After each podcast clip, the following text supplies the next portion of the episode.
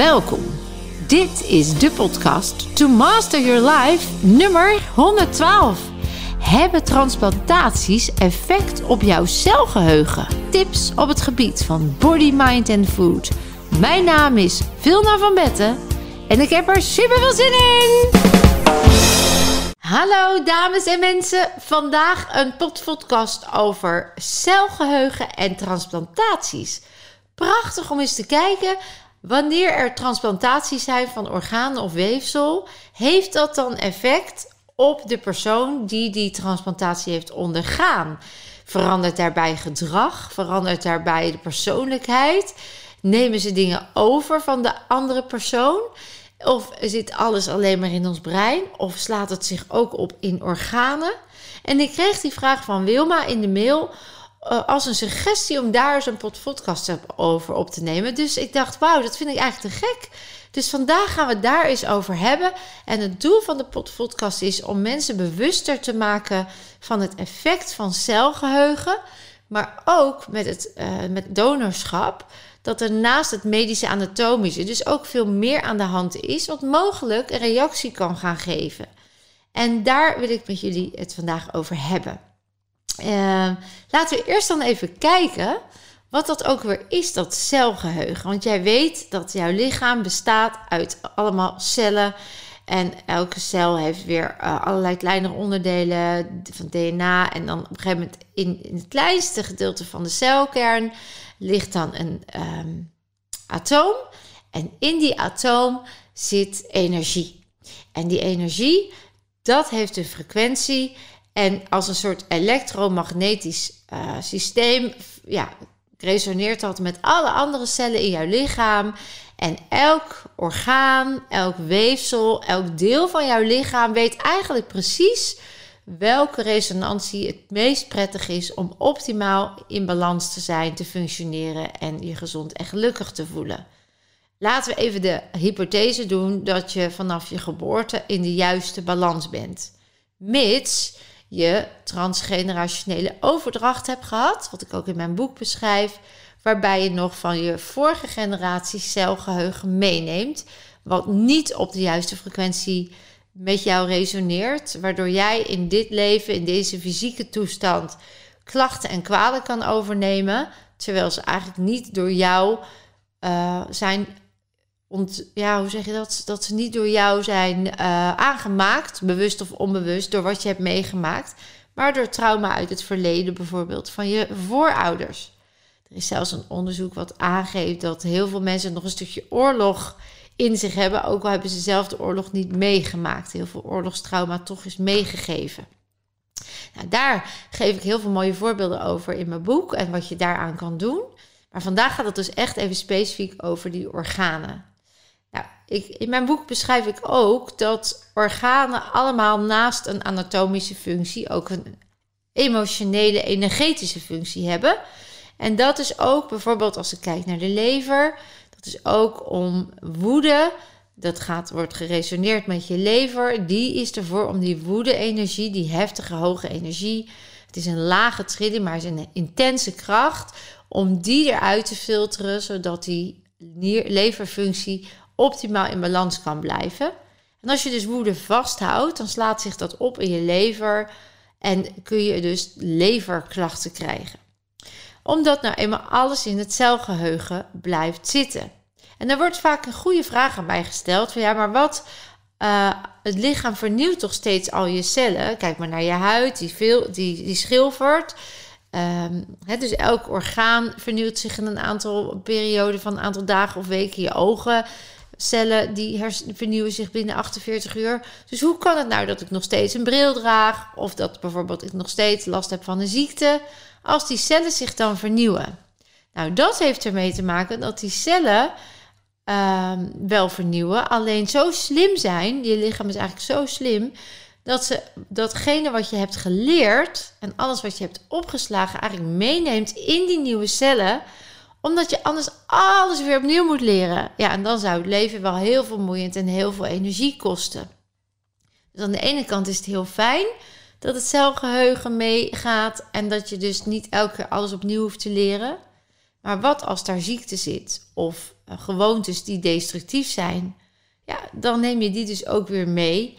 En dan zie je dus dat je, dat zeggen we dan, hè, 97% van de dag voer je eigenlijk dat celgeheugen uit. Want dat celgeheugen is inmiddels onbewust bekwaam geworden. Dat hebben we heel vaak geoefend en herhaald. En dan leven we dus 97% van de dag in ons onbewuste deel, die lekker voor ons werkt. Nou, super fijn.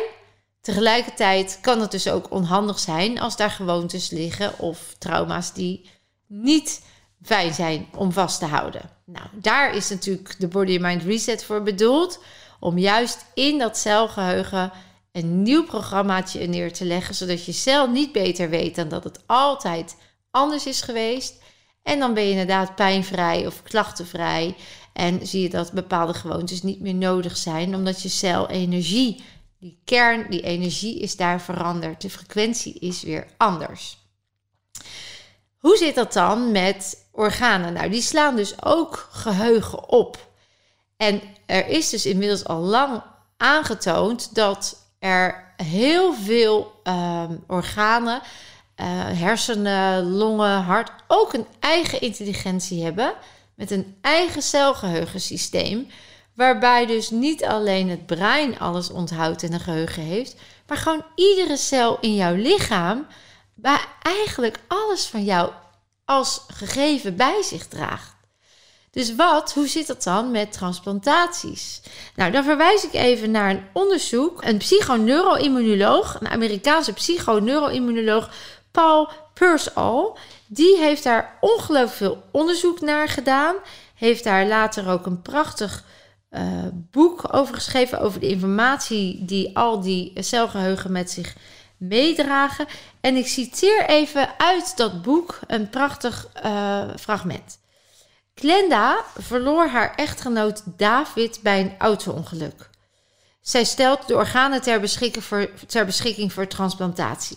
Enkele jaren later ontmoet zij in het kader van het onderzoek van die Amerikaanse psychoneuroimmunoloog Paul Purcell de Spaans-sprekende jongeman die het hart van haar overleden echtgenoot heeft ontvangen.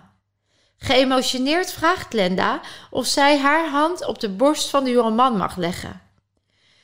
Ik hou van je, David. Alles is copacetic, zegt zij.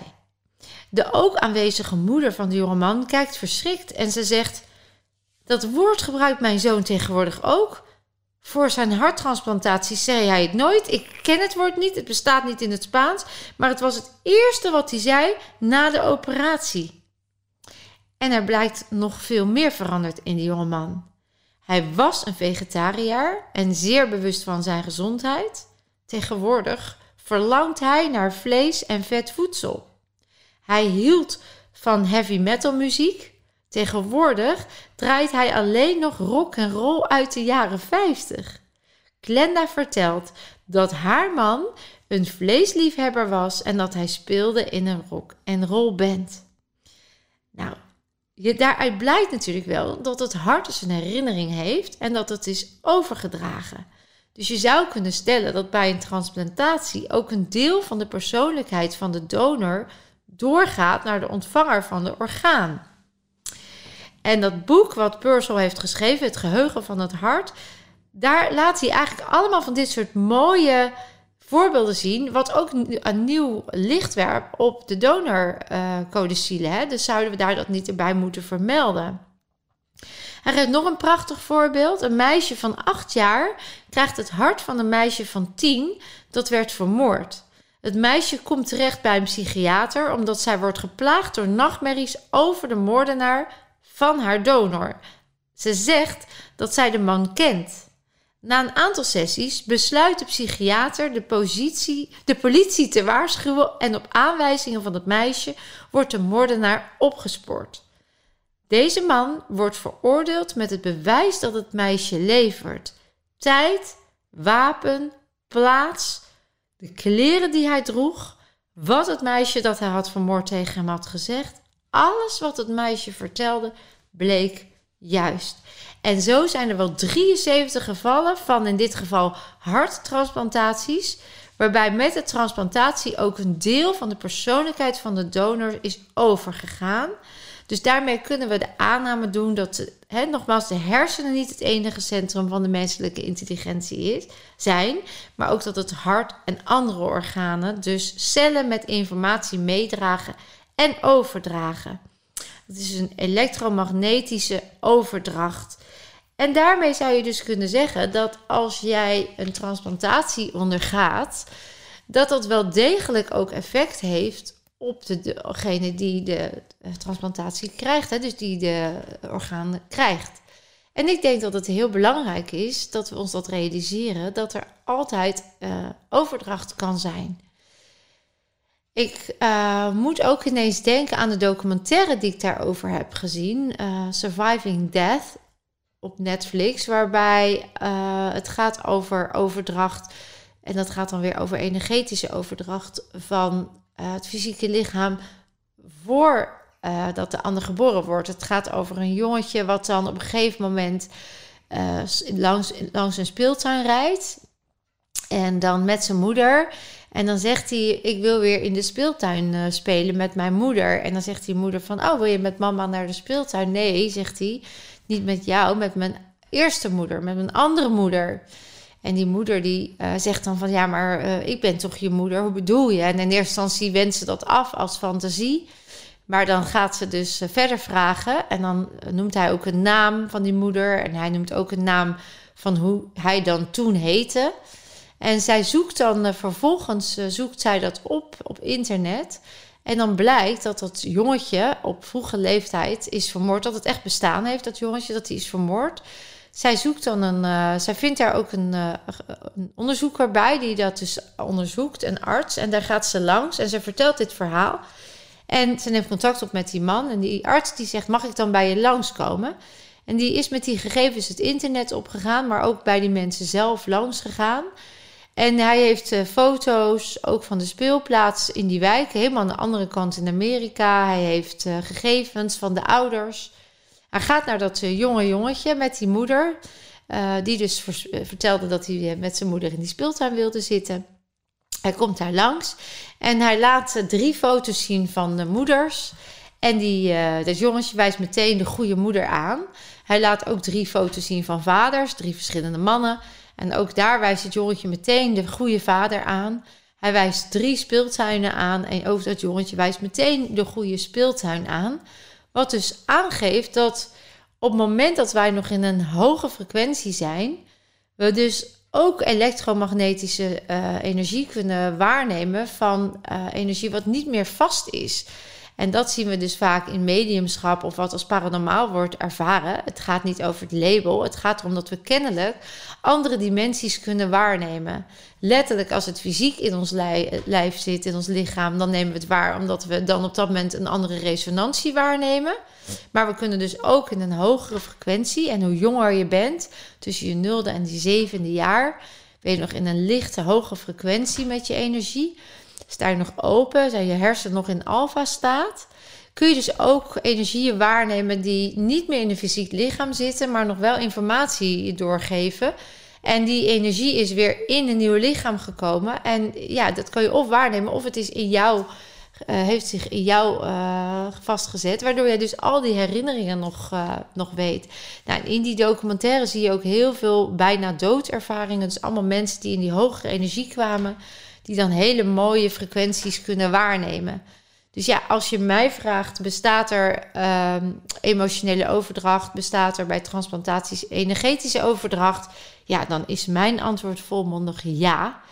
Uh, en ik hoop dat je hiermee dan uh, de informatie hebt die je wil. Ik kan wel ook daarover nog zeggen dat uh, stel nou dat je daar last van hebt of je hebt een transplantatie ondergaan en je wil wel graag je eigen cellen behouden. En je wil ook niet te veel overnemen van de cellen van een ander. Dan is het heel belangrijk dat je in het proces van transplanteren, dat je heel erg bewust jezelf gaat affirmeren. De quick fix noemen we dat. Dus je zorgt eerst dat je eigen energiebanen weer stromen met de dagelijkse oefeningen. Dus door te kloppen op het sleutelbeen, tussen de borst, onder de borst, aan de zijkant van de ribbenkast. Je sluit jezelf af alsof je in je eigen kokon zit. Je kruist je handen en je voeten. Je gaat met je ogen heen en weer en je zegt: Ik krijg nu een nieuw weefsel, ik krijg nu een nieuw hart. En ik vertrouw erop dat alle cellen die mij dienen bij mij blijven en die van mij zijn. En dat alle cellen die van de ander zijn, die mij niet dienen, dat die uh, wegblijven, dat die eruit blijven. Dus eigenlijk uh, doe je al de suggestie, zet je al de energie neer zoals je wil dat het komt, zodat jouw eigen krachtige energie invloed gaat hebben op de energie die binnenkomt. En je dus invloed kan gaan uitoefenen op dat weefsel. Want net zoals jij jezelf je eigen cellen kan resetten en beïnvloeden, werkt dat natuurlijk ook met nieuw weefsel en nieuwe cellen. Nou ja, al die technieken en hoe dat energetisch werkt en hoe dat op celniveau werkt, dat leer je natuurlijk als je gewoon eens een keer bij een event komt. In een weekend onderga je mooie, prachtige resets en helende technieken. En in een week uh, ja, leren we ook echt de vaardigheden aan, zodat je zelf ook snapt wat je doet en het ook kan overdragen, eh, maar ook kan toepassen in je dagelijkse leven. Wat het mij in ieder geval weer super inzichtelijk maakt, is dat er veel meer is dan dat we in, het westerse, in de westerse wereld ons wordt verteld en waar we gebruik van maken. En dat dat voor ons heel veel perspectief biedt, omdat we, zoals je weet, meer kunnen dan je denkt.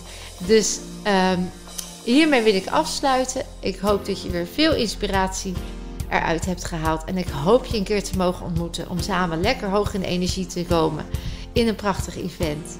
En nogmaals, je weet het. Jij kunt meer dan je denkt.